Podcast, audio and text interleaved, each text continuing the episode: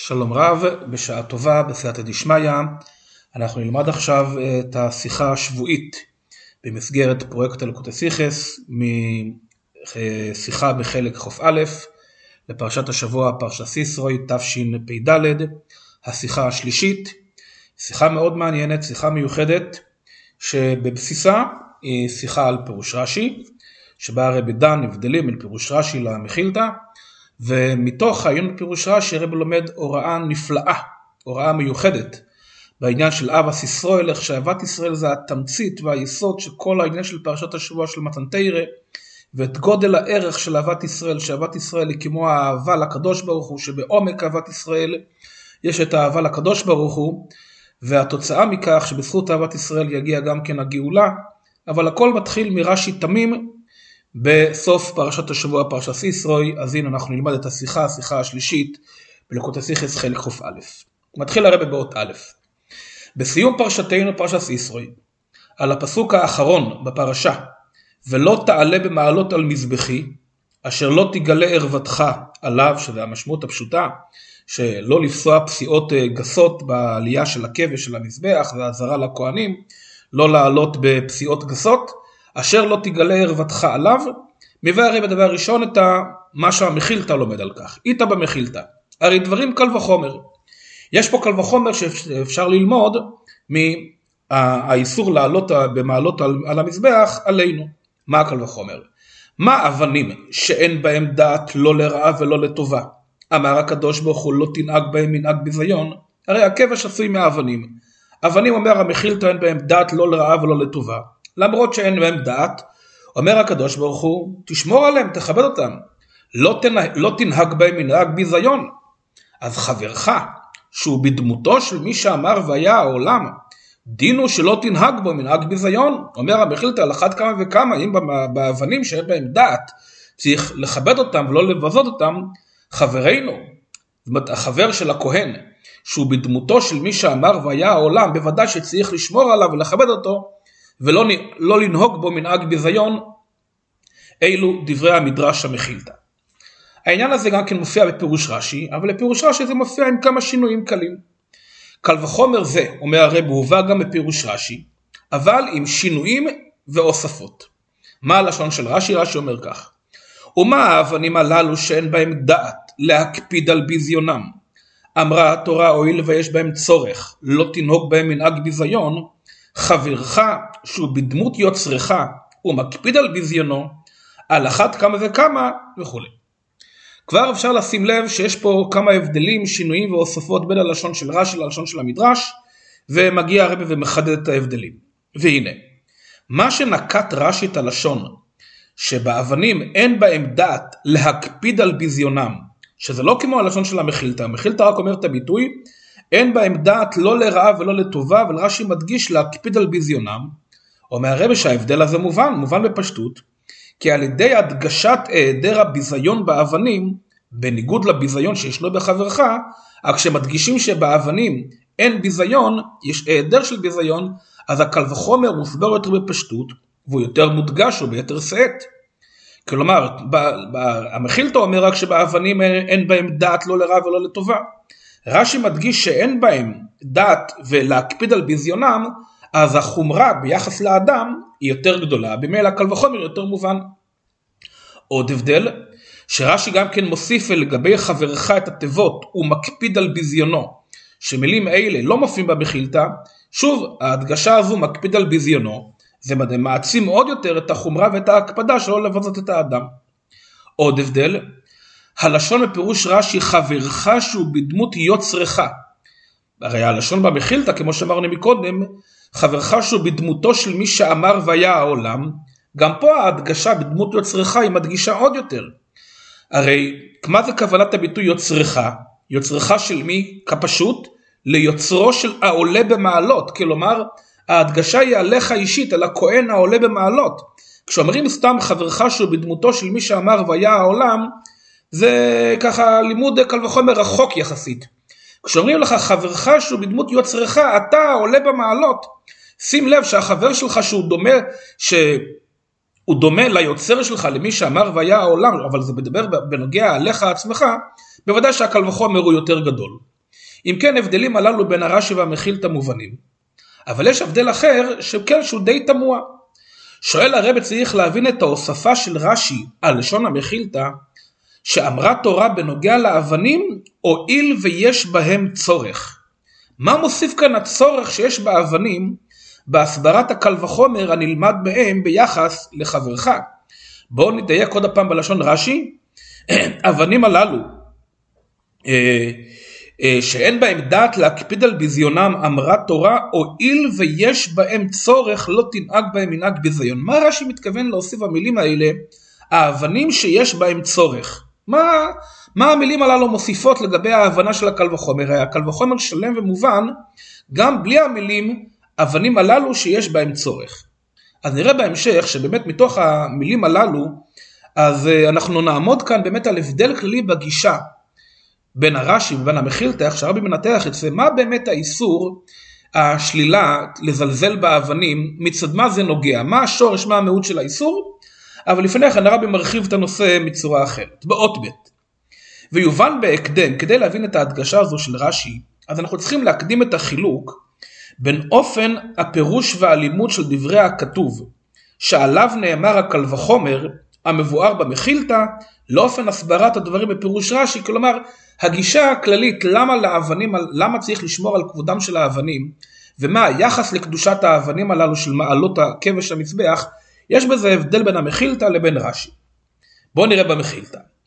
וזה לשון המכילתא שם לאלה, לפני הקל וחומר מופיע במכילתא הדברים הבאים. אשר לא תגלה ערוותך עליו, דורש על כך המדרש ומדגיש, לא תגלה ערוותך עליו, עליו אי אתה פוסע. אבל אתה פוסע פסיעה גסה בהיכל או בקודש הקודשים, שדווקא על המעלות של הכבש המזבח צריך להיזהר ללכת בעדינות ובצניעות וכולי, אבל בהיכל או בקודש הקודשים אפשר ללכת פסיעה גסה, כלומר פסיעה רחבה ומהירה, בלי ההקפדה על, על פסיעות עדינות ופסיעות עדינות. למה יש, למה, מה ההדגשה?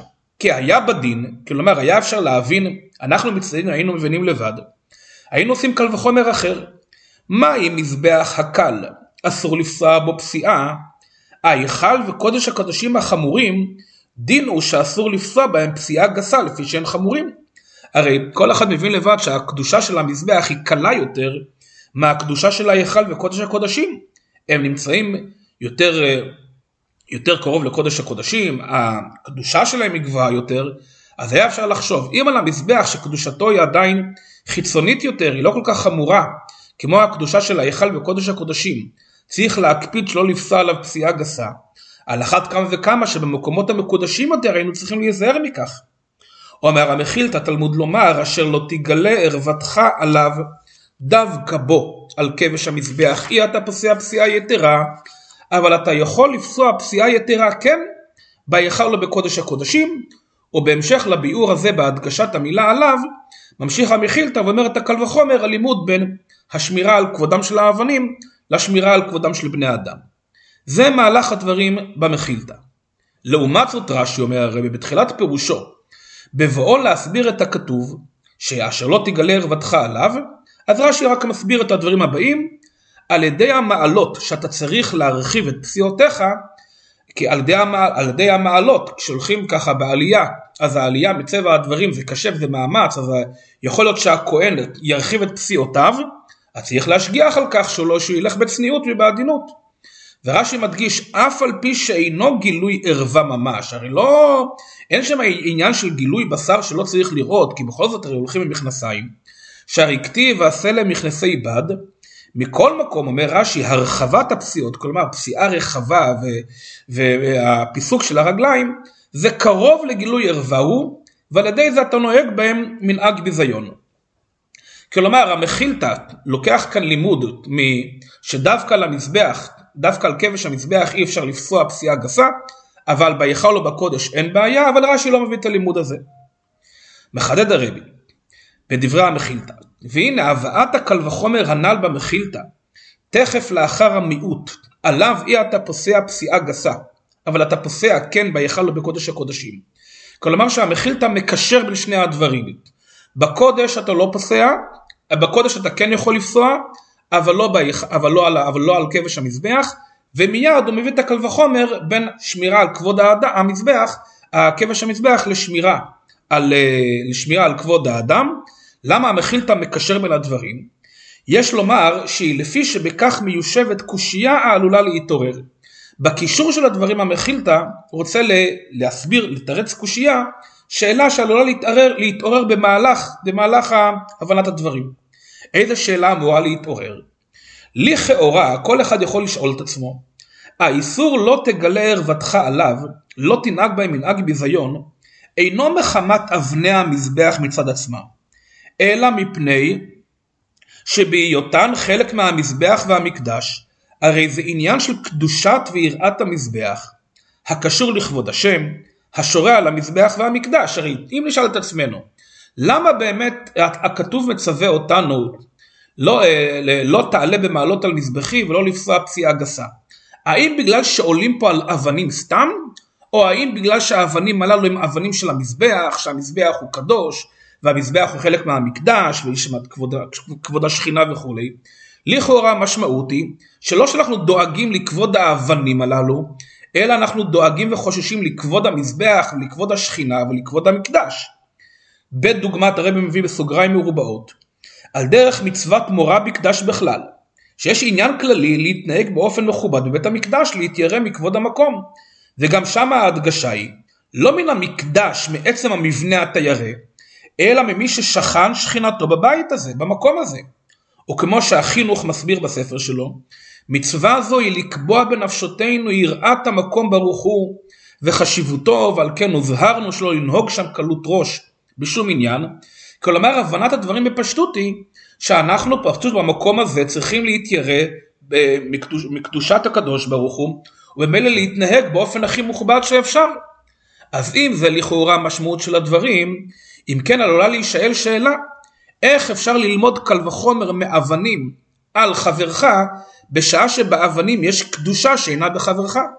אם המשמעות היא שאנחנו לא עולים במעלות על המזבח רק בגלל שזה, רק, בגלל, רק כחלק מקדושת המקדש, אז באמת לכאורה אין מקום לקל וחומר. כי הרי באמת במקדש יש, ובאבני המקדש, וגם כן במעלות של המזבח, יש קדושה יתרה שאינה נמצאת באדם רגיל, שהקדוש ברוך הוא לא שורה עליו באותו רמה שהקדוש ברוך הוא שורה בבית המקדש. אם כן, אז מה הקל וחומר? אבל כאשר המדרש מחדד, כיוון שלמדנו קודם לכן מהכתוב מההדגשה, אשר לא תגלה ערוותך עליו, והמחילתא מדגיש, עליו אי אתה פוסע פסיעה גסה, אבל אתה פוסע פסיעה גסה בהיכל או בקודש הקודשים, זאת אומרת שהבעיה היא, זאת אומרת שהאיסור לעלות במעלות על, על המזבח ולנהוג בכבוד המזבח לא בגלל שהוא חלק מקדושת המקדש, כלומר נמצא מובן שהאיסור לא תעלה במעלות הוא לא רק בשל היותו של המזבח חלק מהמקדש, אלא יש פה בעיקר עניין לשמור על אבני המזבח עצמן. ולכן אפשר ללמוד מכאן קל וחומר, כפי שהמדרש ממשיך, עם אבנים שאין בהם דעת לא לרע ולא לטובה. אומר הקדוש ברוך הוא לא תנהוג בהם, והרבא מדגיש באבנים גוף המנהג ביזיון, חברך בוודאי שדין הוא שלא תנהוג בו מנהג ביזיון. אם כן דווקא בגלל שהמדרש מדגיש שהאיסור הזה הוא דווקא עליו ולא על ההיכל ולא על הקודש הקודשים, מזה אנחנו, יכולים, מזה אנחנו מבינים שהאיסור הוא לשמור על כבוד האבנים עצמם, אז אם אתה שומר על כבוד האבנים עצמם, בוודאי שיש פה קל וחומר שצריך לשמור על כבוד חברך. ובמילא מובן גם כן, אומר הרבי, בהתאם לכך, אנחנו נוכל לענות על השאלה שהרבי שאל מקודם בתחילת השיחה, מה זה ההדגשה של רש"י אמרה תורה הואיל ויש בהם צורך באבנים הללו. אומר הרבי עכשיו בהמשך להקדמה אז אנחנו נבין את הדברים. על פי זה יובן גם הטעם להוספת רש"י בפירושו אמרה תורה הואיל ויש בהם צורך לא תנהוג בהם מנהג ביזיון. מה ההדגשה? אומר הרבי פשוט מאוד. כי המכילתא באמת כן הביא את ההבדלה, הביא את החילוק, שיש דווקא, האיסור הוא דווקא על העלייה על כבש המזבח, אבל אין איסור ללכת בפסיעה גסה בהיכל או בקודש. רש"י שלא מביא את הלימוד הזה, אז לכאורה אנחנו יכולים לחשוב באמת, לשאול, לשאול שוב את אותה שאלה, הרי לכאורה אפשר להבין לבד, שמישהו יכול להבין לבד, שהאיסור לעלות במעלות על המזבח זה בגלל הקדושה של המקום. אבל כיוון שרש"י לא עושה את החילוק הזה, אז רש"י צריך להכניס בתוך הפירוש שלו שיש כאן גם כן ההדגשה היא בגלל חשיבות האבנים עצמם ולא בגלל הקדושה הכללית של המזבח, של, של, של המזבח או המשכן. כלומר, אנחנו קוראים את דברי הרבי, מאחר שבפירוש רש"י לא נזכר המיעוט שהובא במחילתא, עליו אי אתה פוסע אבל אתה פוסע. בהיכל וקודש הקודשים, שמהמיעוט הזה אנחנו מבינים שאיסור לא תעלה במעלות קשור לאבני המזבח מצד עצמם, שזה המשמעות של דברי המחילתא, רש"י לא מביא את המיעוט הזה, לכן רש"י חייב להדגיש את העניין הזה, את הייחודיות של אבני המזבח בתוך הקל וחומר עצמו, וזה ולכן הוא הוסיף את המילים, הואיל ויש בהם צורך פירוש, באבנים הללו, באבני המזבח, יש עניין מיוחד, יש בהם צורך. באבנים הללו שהוא הגורם את האיסור, לא תעלה במעלות, אשר לא תגלה ערוותך עליו. כלומר האיסור הוא עליו, האיסור, כלומר השמירה והחשיבות היא באבני המזבח כשלעצמם, לא בגלל שהם חלק מכללות המקדש, אלא הואיל ויש באבנים בעלייה בכבש עצמו יש בהם צורך. ועל פי זה מחדד הרבי מובן בפשטות מה שלא מצאנו כל איסור לבנות מעלות בשאר חלקי המקדש אף על פי שעל ידי זה תגלה ערוותך אנחנו נראה בהמשך שהרבי מחדד שלכאורה אם באמת אנחנו רואים פה שהכתוב אומר לא תעלה במעלות על מזבחי ויש פה הדגשה לא תעלה בפסיעה גסה לכאורה תמוה, אז למה האיסור לא לעלות, לא לעלות במעלות דווקא של המזבח? הרי יש לכאורה מעלות אחרות שהיו במקדש, היו מעלות, היו איזה אה, מדרגות, היה איזה עלייה שהיו עולים לאולם ולהיכל, אז למה שם אין את ההגבלה? למה שם, שם אין את הציווי לא תעלה במעלות ודווקא על המזבח יש את האיסור הזה? אומר הרבי כי אכן על האבנים שבמעלות הללו בכבש המזבח או יותר, על האבנים שבמעלות האחרים של האולם ולהיכל לא ניתן לומר שיש בהם צורך כמו כאן, כלומר אנחנו צריכים להדגיש מה הייחודיות באבנים במעלות בכבש המזבח שעליו יש חשיבות מיוחדת ולעומת זאת במעלות אחרים לא מצאנו את ההדגשה הזו וזה טמון בתוך המילים הואיל ויש בהם צורך. בא הרבי ומחדד מה הייחודיות במעלות של כבש המזבח. הביאור בזה באות ד' הלימוד מאבני המזבח שאסור לבזות בין, בין ישראל אחר, לכאורה קל וחומר הזה תמוה. לכאורה תמוה כל הלימוד. וכי יש צורך להזדקק לקל וחומר מאבני, מאבני המזבח, לשם כך, הרי לכאורה זה הדבר הכי פשוט שכל אחד צריך לשמור בכבודו של יהודי אחר, למה צריך להגיע דווקא ללימוד מאבני המזבח? פשוט צריך לשמור בכבודו של יהודי. אלא הרב מדייק כאן שהלימוד כאן הוא בעומק יותר, בזהירות דקה יותר, עדינה יותר, גבוהה יותר. כי כאן באבני המזבח אין המדובר בביזיון כפשוטו. הרי לא באמת מי שעולה אפילו בפסיעה גסה, אין פה באמת משמעות ישירה ובסיסית ורגילה של ביזיון, אלא אם נדייק בלשון של רש"י, גם בלשון של המחילתא, מנהג ביזיון בלבד. כלומר לא ביזיון רגיל אלא נוהג, משהו קל, משהו, משהו נחות יותר, משהו פחות בחומרה. מה ההדגשה שאנחנו, שאנחנו רואים שזה לא פגיעה חמורה אלא פגיעה קלה? הקלות פה היא מצד שתי סיבות. א', מצד האבנים. הרי האבנים אין בהם הרגש של ביזיון, הרי האבנים באמת לא מרגישים ביזיון, וההדגשה של רגש בביזיון זה דבר חשוב. הרגש הביזיון הוא עניין עיקרי בביזיון. כל המשמעות של ביזיון זה בגלל שבאמת מישהו מרגיש רגש של ביזיון. אבל כשאתה מבזה ואין בו רגש של ביזיון, כלומר המבוזה לא יתבזה, אז אין פה משמעות של ביזוי. והרבי מביא בכך, הרבי מביא שיש סברה אחת בגמרא, שכל החיוב של תשלומי בושת, מתי באמת יש עניין של תשלומי בושת וביזיון? דווקא אם היה גם כן התביישות וכיסופה ביוש אצל מי שמתבייש. אבל אם הוא אדם בייש את זולתו כשהוא ישן ומת, והוא לא, לא היה מודע לביזיון, הלה מעולם לא הרגיש את הבושה, אז המבייש פטור. כלומר ההרגשה של הרגש של המבוזה היא חלק מהותי בהרגשה של הביזוי. לענייננו כאן, האבנים, הכבש עצמו הרי אין בו דעת, אז אין פה באמת ביזיון אמיתי, זה רק מנהג כזה. אז א', מצד המבוזה, מצד האבנים, אין פה ביזיון אמיתי. מאידך גם מצד העולה במעלות בפסיעה גסה זה לא מעשה ביזיון מהותי ומחוצף וגס, אלא מדובר כאן בהנהגה של קלות ראש, הרי אף אחד לא עולה על המזבח כדי לבזות וגם כן אם הוא עולה במהירות אף אחד לא מתכוון לבזות פה. אין פה קלות ראש או ביזיון ממש, כי הדברים הללו אסורים בכל שטח המשכן והמקדש, אדם נכנס למשכן, אדם נכנס למקדש, הוא אמור להתנהג בכבוד. אז בוודאי שאין פה גם מצד העושה, גם מצד הכהן, אין פה מעשה ביזיון ממש. הנידון כאן הוא מנהג ביזיון בלבד. מעשה שעלול להתפרש כעניין של ביזיון, כלומר עולים במעלות, עולים בזריזות, וזה קשה וזה מאמץ. אז יש פה פסיעה גסה, זה עלול להתפרש אצל אחרים כעניין של ביזיון. כמו שרש"י אומר בלשון שלו, אצל העולה במעלות אין גילוי ערווה ממש, אלא רק קרוב לגילוי ערווה. אם כן אנחנו מחדדים פה שלא באים פה באמת סתם ללמד איסור של לבזות את החבר, בוודאי שלא צריך להגיע לאיסור הזה, ללימוד האיסור הזה מהכבש של המזבח. פה ההדגשה היא הרבה יותר עדינה, הרבה יותר גבוהה, הרבה יותר דקה. גם כאשר מצד המבוזה אין פה מצב של ביזיון כי הוא לא מרגיש. גם כאשר מצדך זה רק מנהג ביזיון בלבד, משהו דק ורחוק, אז מהציווי כאן למדים לגבי החבר, שאסור לעשות אפילו מעשה שהוא מנהג ביזיון בלבד, ואפילו כאשר החבר אינו מרגיש על ידי כך שום בושה וביזיון, ההרגשה העדינה והדקה הזו, את אנחנו לומדים דווקא מהעלייה, מאיסור העלייה במעלות על כבש המזבח. ובעניין זה אומר הרבי, מחדד באות A, בעניין זה הוא החילוק שבין המחילתא לפירוש רש"י, מהי נקודתו של האיסור, באמת מה עומד מאחורי האיסור לא תעלה במעלות על מזבחי.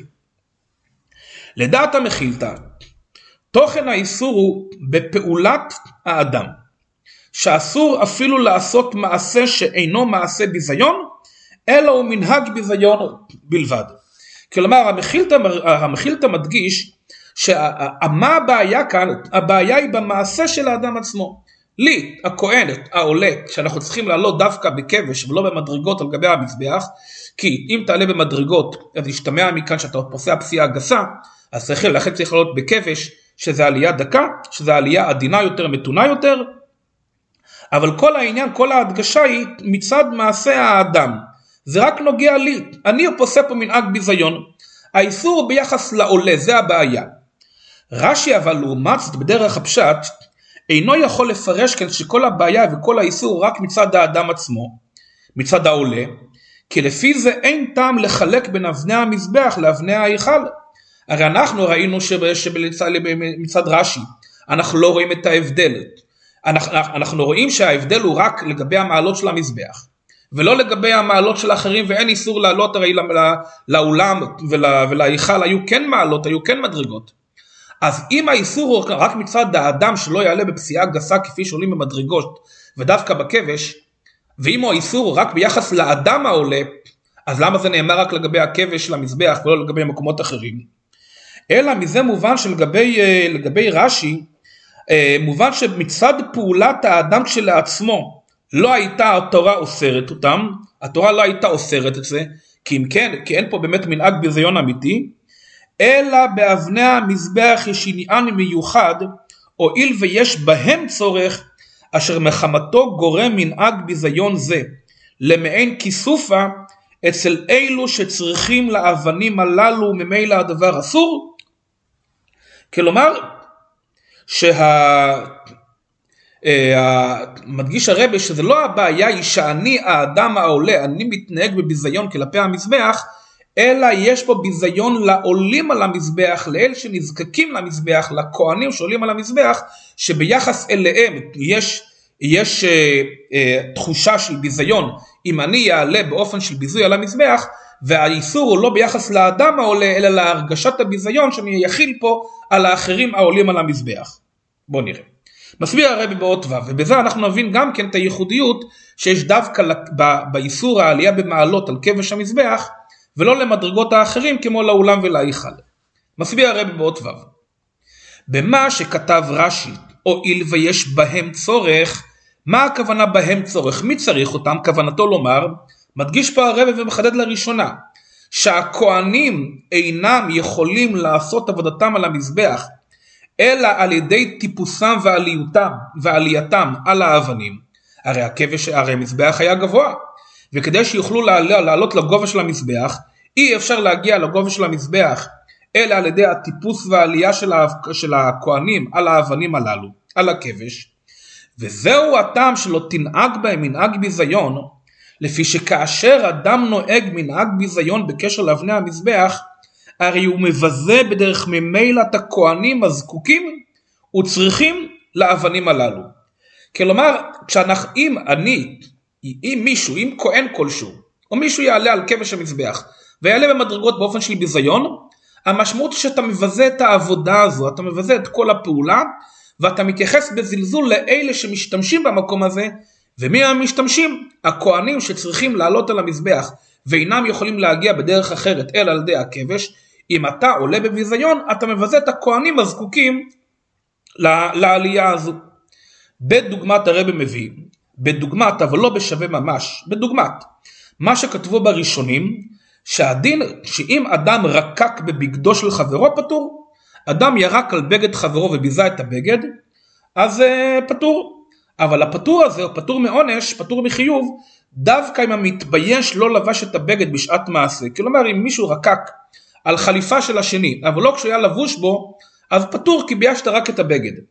אבל אם אותו אדם היה לבוש באותו שעה בעת הרקיקה בבגד, הוא לא ירק על האדם, הוא ירק על הבגד שלו. אבל חברו היה לבוש בבגד באותו זמן, אז מי שרוקק חייב בעונש של ביזוי חברו, כי על ידי רקיקתו על הבגד הוא מבזה את האדם הלבוש בבגד הזה. לעינינו גם כן, כאשר עולים במעלות ומבזים את הכבש, אתה מבזה את מי שמשתמש בכבש הזה. וזה ייחודיות שהייתה רק בעלייה בכבש המזבח, ולא במעלות האחרים שהיו ככה בהיכל ובאולם. מדגיש הרבה בסוגריים.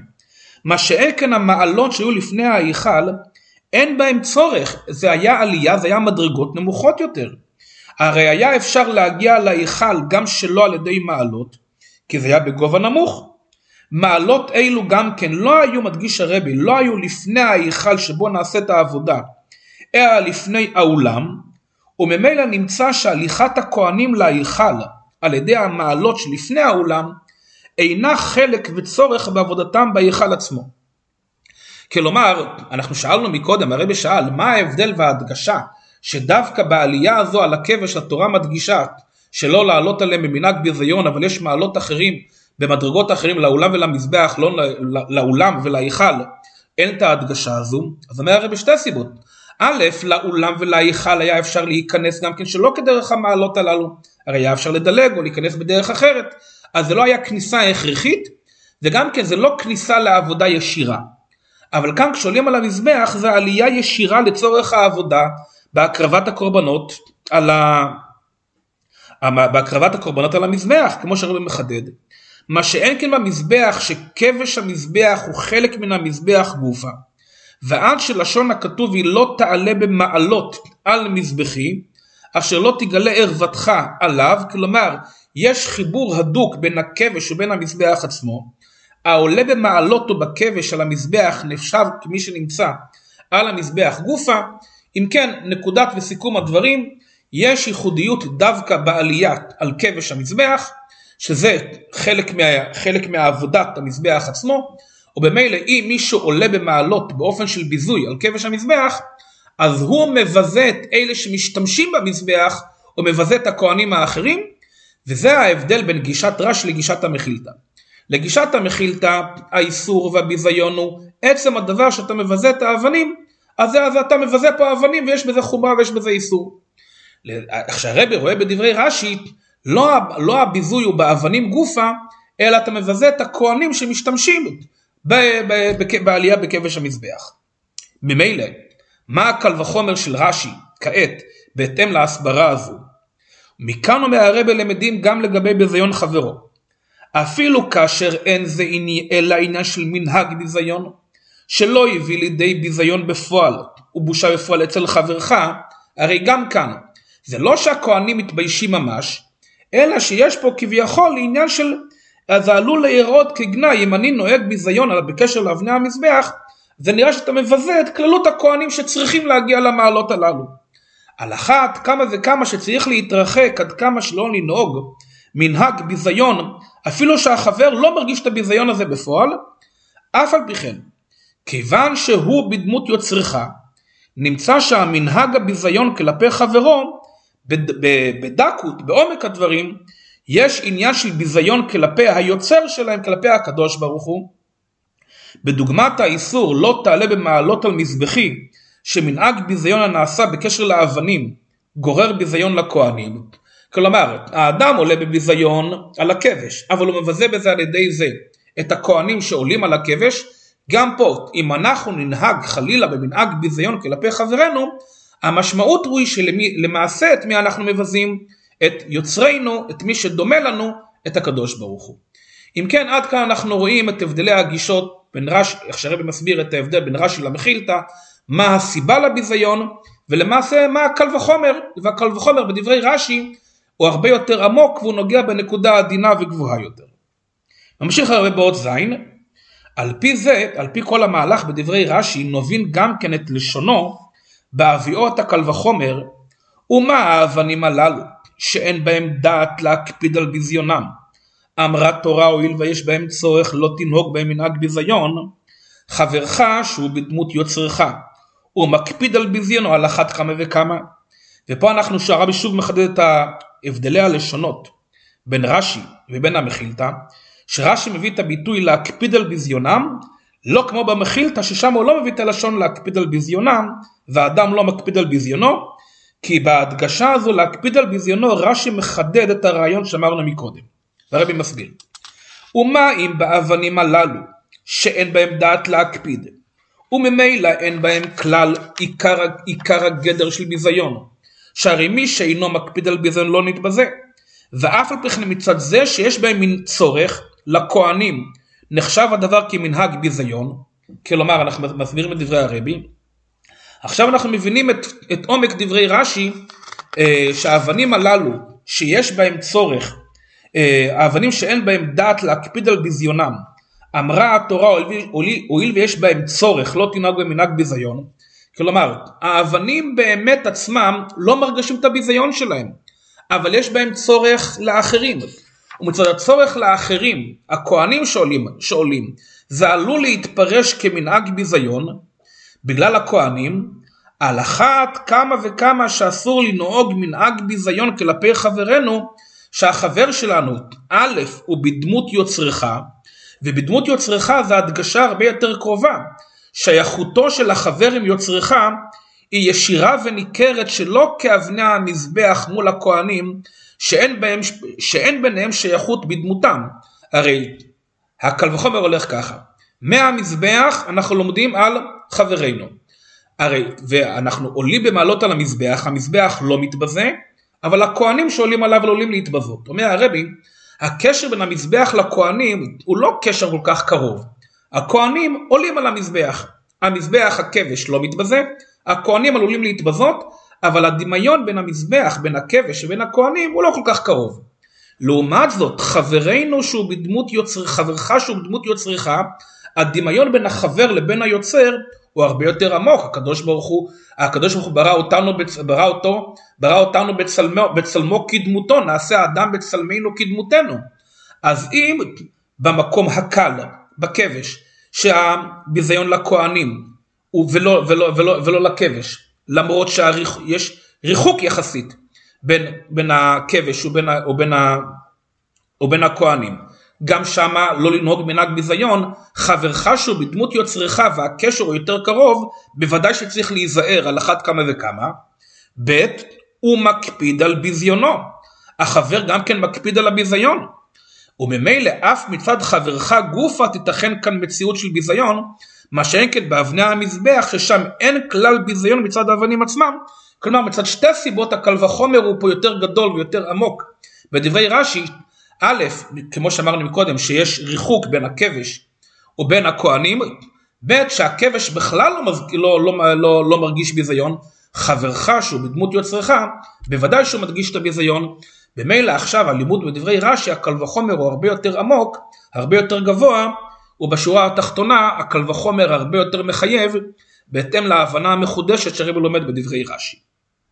עד כאן, בחלק הזה של השיחה, אנחנו למדנו פשוט את הגישה המיוחדת של הרבי, איך שרבי מאיר את הקל וחומר בדברי רש"י. באות האחרונה, באות ח' יינה של תורה, הרבי לוקח את כל זה להבנה נפלאה.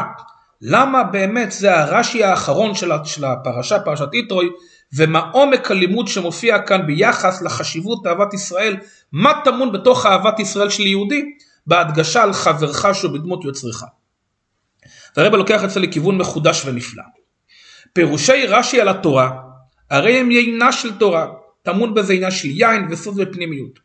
ויש לומר שבפירוש רש"י זה שבסיום הפרשה והכל הולך אחר החיתום, אז הרש"י הזה חותם את כל סיפור פרשת יתרו ואת כל פרשת מתן תורה. ברש"י הזה מרומזים עיקרה ותוכנה של כללות הפרשה, עניין מתן תורה ועשרת הדיברות, כל מתן תורה וכל עשרת הדיברות טמון בתוך הרש"י האחרון שעמדנו עכשיו, להיזהר בכבוד חברינו שבכבוד יוצרנו. הרבי מבהיל. כשם שבעשרת הדיברות נכללו לא רק הדיברות אנוכי השם אלוקיך ולא יהיה לך, אלוקים אחרים שזה העניינים הנעלים ביותר באחדות השם, אלא בעשרת הדיברות נכללו גם כן הדיברות האחרונים, דברים פשוטים, ואפילו עניינים הפשוטים ביותר, המחויבים הבסיסיים ביותר, שבן אדם לחברו, לא תרצח ולא תגנוב וכל אשר לרעך. כלומר בעשרת הדיברות יכלנו לחשוב, אנחנו עומדים במעמד הנשגב של מתן תורה, אז אנחנו אמורים לשמוע והקדוש ברוך הוא אומר להשמיע לנו רק את הדברים הכי נעלים, אנוכי השם אלוקיך, את היסודות הכי בסיסיים, מה מקום להכניס בתוך מתן תורה, בתוך עשרת הדיברות, דברים בסיסיים ביותר, למרות זאת הקדוש ברוך הוא אומר לנו ומראה לנו שהדברים הבסיסיים ביותר יש להם את החשיבות, כלומר הדברים לכאורה הפשוטים ביותר, יש להם את החשיבות כמו הדברים היסודיים ביותר, העיקריים והמהותיים, של אנוכי השם אלוקיך ולא אלוקים אחרים על פניי, אז אותה גישה שאנחנו רואים בעשרת הדיברות, אותה גישה משתמעת גם כן מתוך דברי רש"י בפירוש האחרון. כן, הוא גם בפירוש רש"י תורה שבעל פה, שסופה של פרשת יתרו ופרשת מתן תורה עוסק בנחיצותה של הזהירות בתכלית בעניינים פשוטים של הנהגות בין אדם לחברו ועד לדברים הכי פשוטים והכי בסיסיים והכי מינימליסטיים עד לזהירות אפילו מפני מנהג ביזיון גם זה חשוב וגם זה יסודי מאוד. והרבי מחדד, כשם שהדברים הפשוטים שבעשרת הדיברות, יכלנו לחשוב שזה בליגה נמוכה יותר, זה ברמה נמוכה יותר, זה לא קשור לנוח השם אלוקיך. אז כשם שהדברים הפשוטים אינם מציאות נפרדת מעשרת הדיברות, מהדיברות הראשונים, אלא כמבואר בכמה מקומות בחסידות, הטעם שמקומם של דברים אלו נקבע בעשרת הדיברות הוא גם כדי ללמדנו שאם ואנוכי השם אלוקיך עניין אחד אימה. אי אפשר להבדיל בין לא תרצח ולא תגנוב, לא תנאף לדברים הפשוטים לבין הדברים החשובים ביותר. לאמיתו של דברה גם הדברים שבין אדם לחברו הם בין אדם למקום ויש להיזהר בהם משום שזהו רצון השם כמו שהקדוש ברוך הוא רוצה. את אנוכי השם אלוקיך במידה, באותו מידה הקדוש ברוך הוא רוצה את לא תגנוב ולא תחמוד את הדברים הבסיסיים, זה אותו דבר ושניהם ציוויים אלוקיים נעלים. אז כמו שאת הרעיון הזה שאת ההשוואה בין כבוד הקדוש ברוך הוא אנוכי השם אלוקיך לכבודו של בשר ודם הדברים הבסיסיים הקדוש ברוך הוא השווה אותם בעשרת הדיברות כך גם בענייננו מוסיף רש"י קומה גבוהה יותר שהזהירות כלפי חברך היא מפני שהיא בדמות יוצרך כלומר אותו רעיון שמשתקף בעשרת הדיברות, אותו רעיון משתקף בדברי רש"י, שייכותו של איסור זה לבן אדם למקום אינה רק מצד הציווי שבדבר, היינו שיש להיזהר בעניינים אלו מצד ציווי השם, אלא גם לפי שחברך והמקום ברוך הוא הם בדמות אחת כביכול. כלומר הרבי לוקח אותנו להבנה מעמיקה יותר בכל הסיפור. מהדמיון בעשרת הדיברות בין הדיברות הראשונות אנוכי השם אלוקיך ולא יהיה לך לבין הדיברות הפשוטות יותר אנחנו יכולים לחשוב שהציווי הוא אחיד והרצון האלוקי בשניהם הוא אחיד אבל כאן הרבי לוקח את זה בדברי רש"י למדרגה גבוהה יותר שהשייכות והדמיון בין כבוד האדם, כבוד החבר וכבוד הקדוש ברוך הוא, כבוד יוצריך לא רק בגלל שהקדוש ברוך הוא מצווה אותנו בשווה אלא גם כי בעומק יותר חברך והמקום הם דמות אחת כביכול. ולפיכך אי הזהירות בכבוד חברנו, נחשבת כאי זהירות בכבודו של הקדוש ברוך הוא. וזו נקודה עמוקה יותר שמביאה, שמביאה להבנה מעמיקה יותר במשמעות של עשרת הדיברות. כי המשמעות של עשרת הדיברות אנחנו יכולים להבין שההקפדה היא רק בגלל שהקדוש ברוך הוא מצווה על זה, על אנוכי השם לוקח. הוא מצווה לא תגנוב ולא תחמוד באותו מידה. אבל בדברי רש"י משתמע נקודה עמוקה יותר, לא רק שהציווי הוא זהה, אלא האיסור הוא זהה, והבעייתיות זהה, כי הזהירות בכבוד החבר, הזהירות בכבודו של כבוד כל יהודי, או יותר נכון, אי הזהירות, אם מישהו לא נזהר בכבודו של יהודי, בכבודו של חברך, במה למעשה פגמת? פגמת באי זהירות בכבוד חברך, כי חברנו, החבר והיוצר, הוא אותו דבר. אם כן, מחדד הרבי, זה עומק דברי רש"י, וזו ההבנה העמוקה שאנחנו רואים פה עם כל המהלך שהרבי לוקח בכל דברי רש"י הללו, כדי להדגיש את הדמיון של החבר לקדוש ברוך הוא, וההקפדה על כך היא אמורה להיות הקפדה זהה. פשוט הרבי לוקח את זה למדרגה, לרמה כל כך גבוהה, אבל מהשלילה, מהזהירות, הרבי מסיים וחותם את השיחה עם הנקודה של החיוב, מרובה מידה טובה, שאהבת ישראל עד לאהבה בלתי מוגבלת, המביאה לידי ההנהגה של כיבוד חברך בתכלית הזהירות להתרחק עד הקצה האחרון מפגיעה בו ואדרבה להיזהר בכבודו. בתכלית הזהירות, אך כשנזהרים בכבודו של יהודי, מה מסתתר בעומק הדברים בפנימיותה? זה עניין של אהבת הקדוש ברוך הוא כבוד שמיים לאהוב יהודי? בעומק הדברים זה לאהוב את הקדוש ברוך הוא ובמילא כשאנחנו נזהרים בכבוד חברינו, ובמילא המשמעות היא שאנחנו נזהרים בכבודו של הקדוש ברוך הוא, אז כמים הפנים לפנים, הדבר מגלה את אהבת הקדוש ברוך הוא לישראל, ובמילא זה מביא סוף סוף להרמת כבוד ישראל, אפילו בעיני כל עמי הארץ, במילים פשוטות. כשאנחנו נזהרים בכבודו של יהודי, המשמעות שאנחנו נזהרים בכבודו של הקדוש ברוך הוא. כשמגלים את האהבה לקדוש ברוך הוא, אז כמים הפנים לפנים זה מגלה את אהבת הקדוש ברוך הוא אלינו, ואז כל העמים קוראים את כבודם של עמי, של כבוד ישראל, מתגלה בעיני כל עמי הארץ, ועד שמגיע הכבוד הגדול ביותר, עד לכבוד האמיתי שיהיה בגלוי, בגאולה האמיתית והשלמה, על ידי משיח צדקנו, במהרה בימינו ממש. שיחה נפלאה, בשורות טובות ובהצלחה רבה.